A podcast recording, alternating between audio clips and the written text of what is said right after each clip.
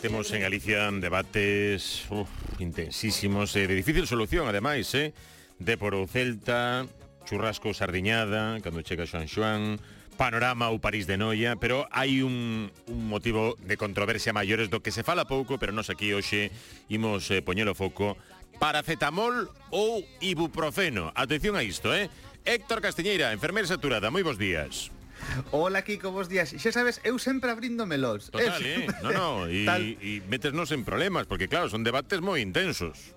Claro, porque hai xente que de un, xente que de outro, claro. logo xente que non se decide, xente que lle das un, a min eso non mo des que non me fai nada, claro. a min dame outro. Sí. Pero bueno, eh, en todo caso, Incluso... en xeral, en todas as casas temos os dous tipos. Sí, sí, dende logo que sí, eu penso que si. Sí. incluso tiven unha vez unha, unha paciente vou non contar aquí xa, si de primicia. Tiven unha vez unha paciente que cando marchaba de alta eh, pediume se por favor eh, antes de marchar do hospital podía lle dar un par de paracetamoles antes de, de marchar. Dixen, bueno, non terá na casa necesitará por se ten dolor mentras non vai á farmacia. E me din, non, non, é que os do hospital fan moito máis efecto que os da farmacia. claro. E digo yo, a ver, é que son os mesmos. No, no, no, no, no. estos son moito mellores, todo o mundo o sabe. Sí, porque vos estades calados, pero teñen máis substancia. Despois o resto que, que queda no fondo e o que repartides polas farmacias.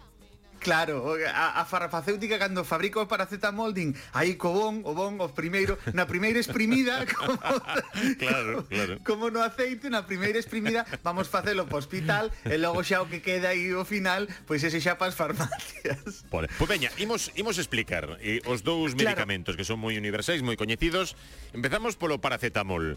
Cando tomamos paracetamol? Porque nos dous casos eh, son eh, medicamentos para dor, non? Sí, é que hai un dato moi curioso ademais é que eh, fai, fai un par de anos eh, fixos unha enquisa nacional de saúde que fixo aí o, o Ministerio de Sanidade e chegou á conclusión de que un de cada catro galegos consumían a diario medicamentos para dor un de cada catro galegos. Entón, claro, estes, estes dous están entre os 10 fármacos máis vendidos, eh, por eso, como decíamos, pois en todas as casas eh, hai un, outro ou os dous. Claro. E, se hai catro persoas, un membro dunha familia, se tres eh, non toman nada, pois é posible que o xubilado é o que estea tomando aí toda a caixa. E non diga nada. Algo parador, sí. Yeah, sí, sí. Bueno, paracetamol. A ver, cando tomamos paracetamol? Pois mira, o paracetamol é, é o clásico que temos moitas marcas comerciais, pode ser Termalgin, Apiretal, Gelocatil, Feralgan, todo é o mesmo, todo é ah, paracetamol. Todo é paracetamol. É, todo é paracetamol e todo igual de bon, da igual da farmacia que do hospital. O paracetamol sería o fármaco da doble A, é dicir, é analxésico e antipirético. Sirve tanto para a dor como para a febre. O fármaco da doble A a parte positiva do, do, do paracetamol é que non dana ao estómago, non é como outros fármacos que sí que son máis agresivos co estómago, hai que ter moito cuidado. O paracetamol realmente eh, non lle fai moito dano ao estómago, apenas apenas lle fai dano. E a parte negativa é que claro, que non nos podemos pasar coa dosis, temos que ter cuidado porque se nos pasamos podemos danar o fígado, por eso nunca podemos pasar de deses 4 gramos o día, non? Se vamos á farmacia, mm, temos que ter cuidado cando tomamos na casa porque nunca podemos pasar deses, deses cat... hai un tope máximo para que non sexa tóxico. Mm. Pero é o fármaco da doble A, analxésico e antipirético. Ah, vale. E cando vamos á farmacia, cal mercamos? Porque se hai tantos...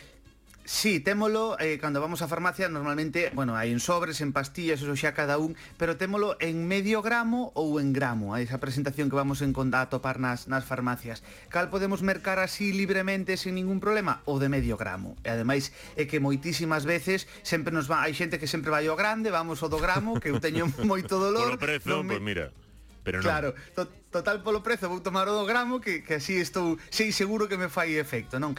Eu a maior parte das veces se tomamos o de medio gramo vai nos facer igual efecto que o do gramo, porque realmente eh, é mellor sempre empezar por unha dose baixa e se fai falta Eu se non o indico o médico xa poderíamos subir, pero sempre empecé o recomendable empezar por ese de medio gramo, e eh, como digo, pois pues eso hai que tomalo eh, con precaución e non pasar deses 4 gramos o día. De acordo. Pois imos agora co ibuprofeno. Cando tomamos ibuprofeno? Pois o ibuprofeno, o ibuprofeno tamén pois ten un montón de nombres comerciais, podría ser o espidifen, o neobrufen, o dalsi, como digo, todo é o mesmo.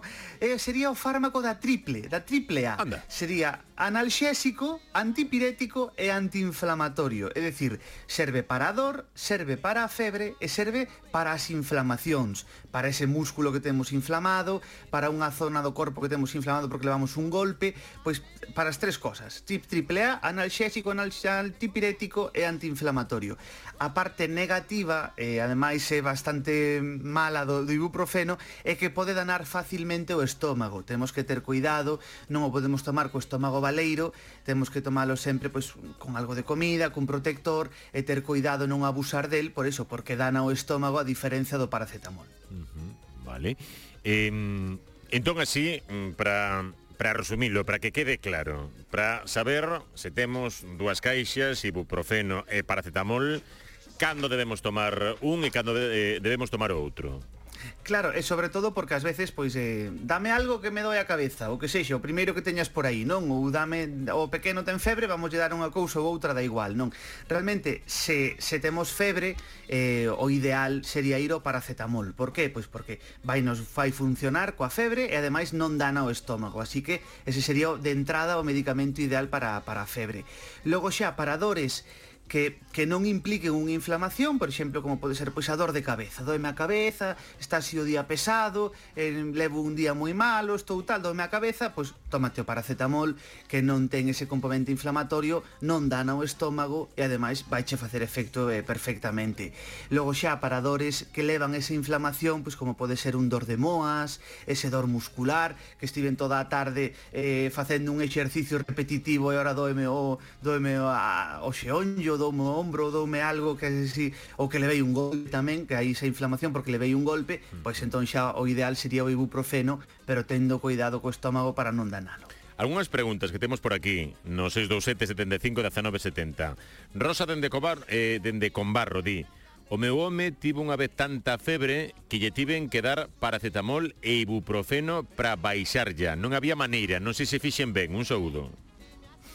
Pois, a ver, isto é algo moi moi habitual que se di, non? Pois alternas paracetamol e ibuprofeno para baixar a febre. A ver, realmente isto eh, é un algo que se, se pode usar cando sexa algo de, de, como último recurso, como de urxencia. Pois, por exemplo, neste caso, e ademais é que o ideal sempre que tanto o pediatra, no caso dos nenos, como, como médico, no caso dos adultos, sexa el que non lo indique, porque, como digo, é algo de último recurso, non? Para esa urxencia que non hai forma, non hai xeito de baixarche a febre que a tes moi alta, senón realmente o ideal non é combinar. E, eh, se temos febre, pois eh, vamos ao paracetamol ou ibuprofeno tamén poderíamos ir, que tamén xa vimos que servía para a febre, eh, e non mezclalos porque non asocialos porque o que fan é aumentar o, os, os efectos secundarios de un e de outro. É que como su, súmanse os dous non? Sí. súmanse eses dous efectos secundarios entón realmente eh, podemos ter eh, algún problema por eses efectos secundarios problemas por exemplo a nivel de, de a nivel renal e outra serie de problemas. Entón realmente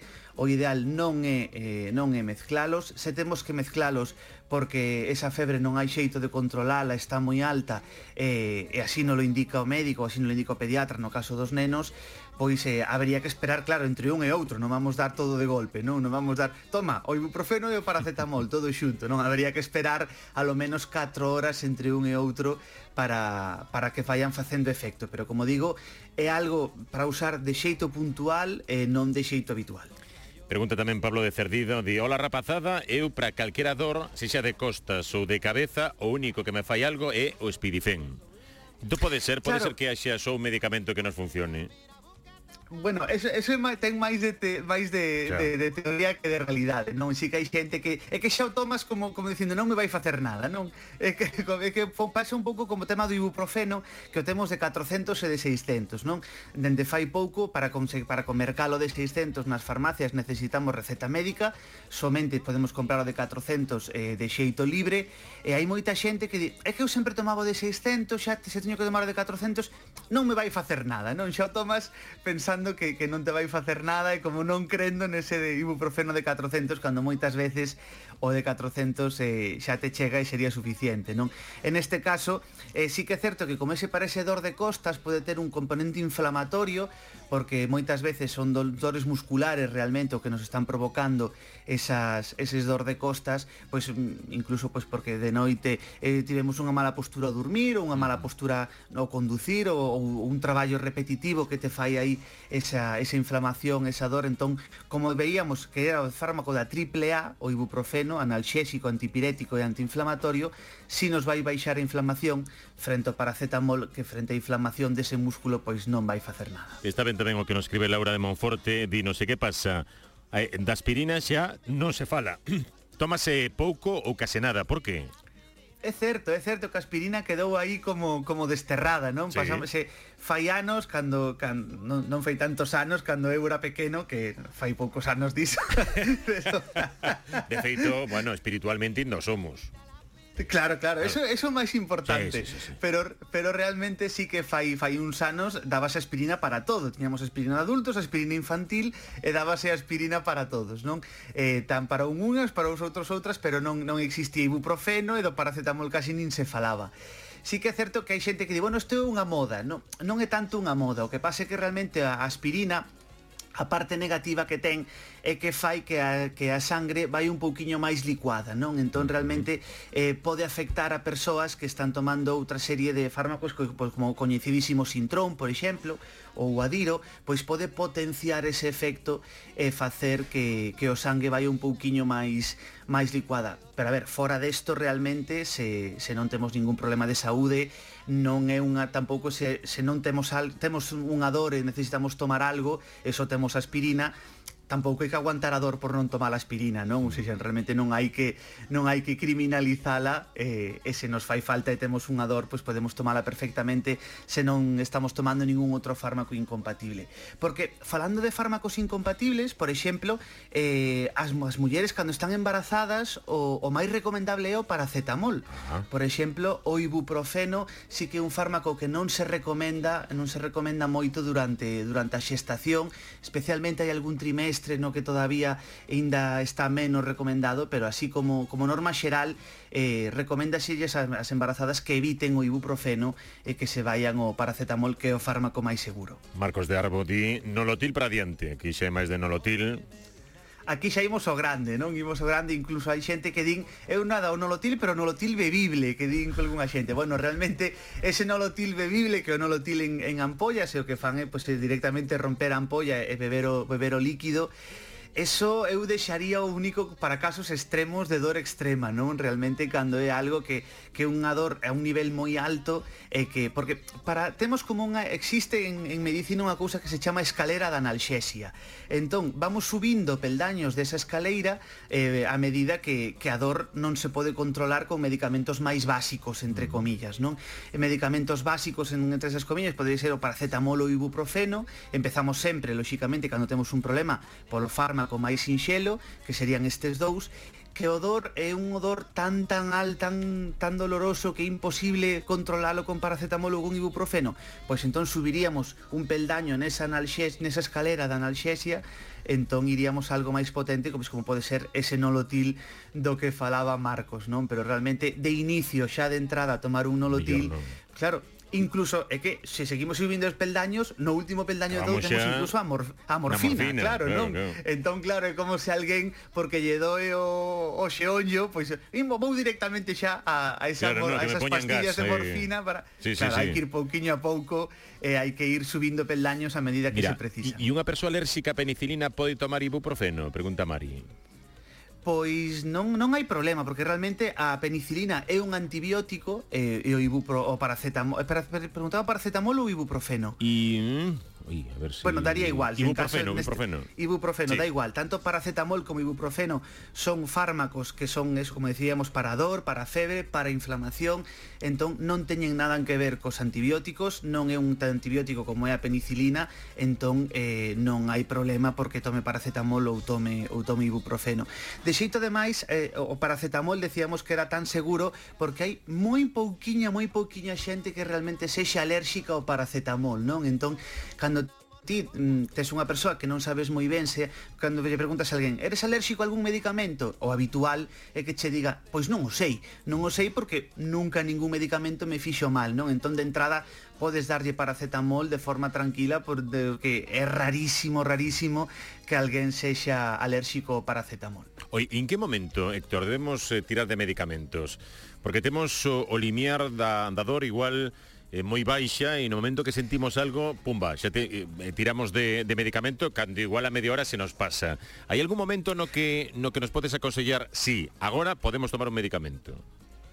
Claro, pasa un pouco eso, non? Moitas veces en canto empeza unha dor, en canto empeza algo, ai, xa recurro ao medicamento xente, porque xente que, non quero sentir que absolutamente nada. Claro, e non, e porque ten medo, porque sabe que igual ten a dor de cabeza terrible e antes de que se chegue esa dor prefire meterlle un pouco de medicación, pero igual isto isto pode ser claro. perjudicial.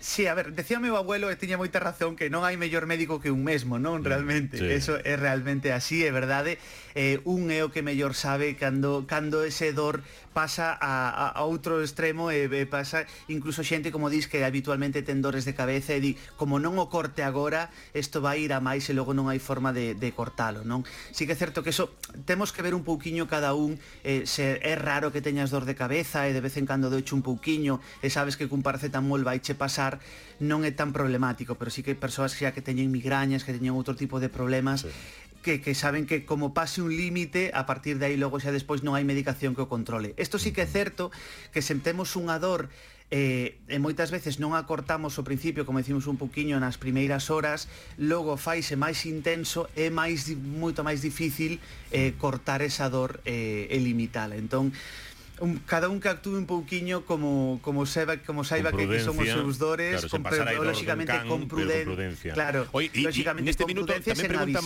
pregunta polo Enantium, que tamén está moi de moda.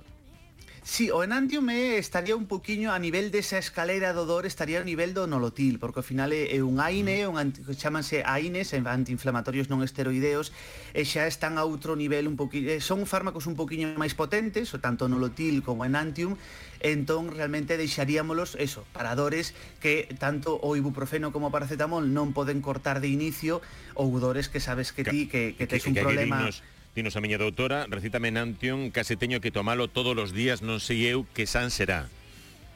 Claro, todos os días non porque non. son fármacos eh, moi son fármacos ao final que van danando o estómago e moitas veces ese, ese, esa toma continuada mm. pode acabar moitas veces incluso en nun problema de úlcera de estómago sí, sí. ou incluso máis grave. Entón realmente non é algo que debemos tomar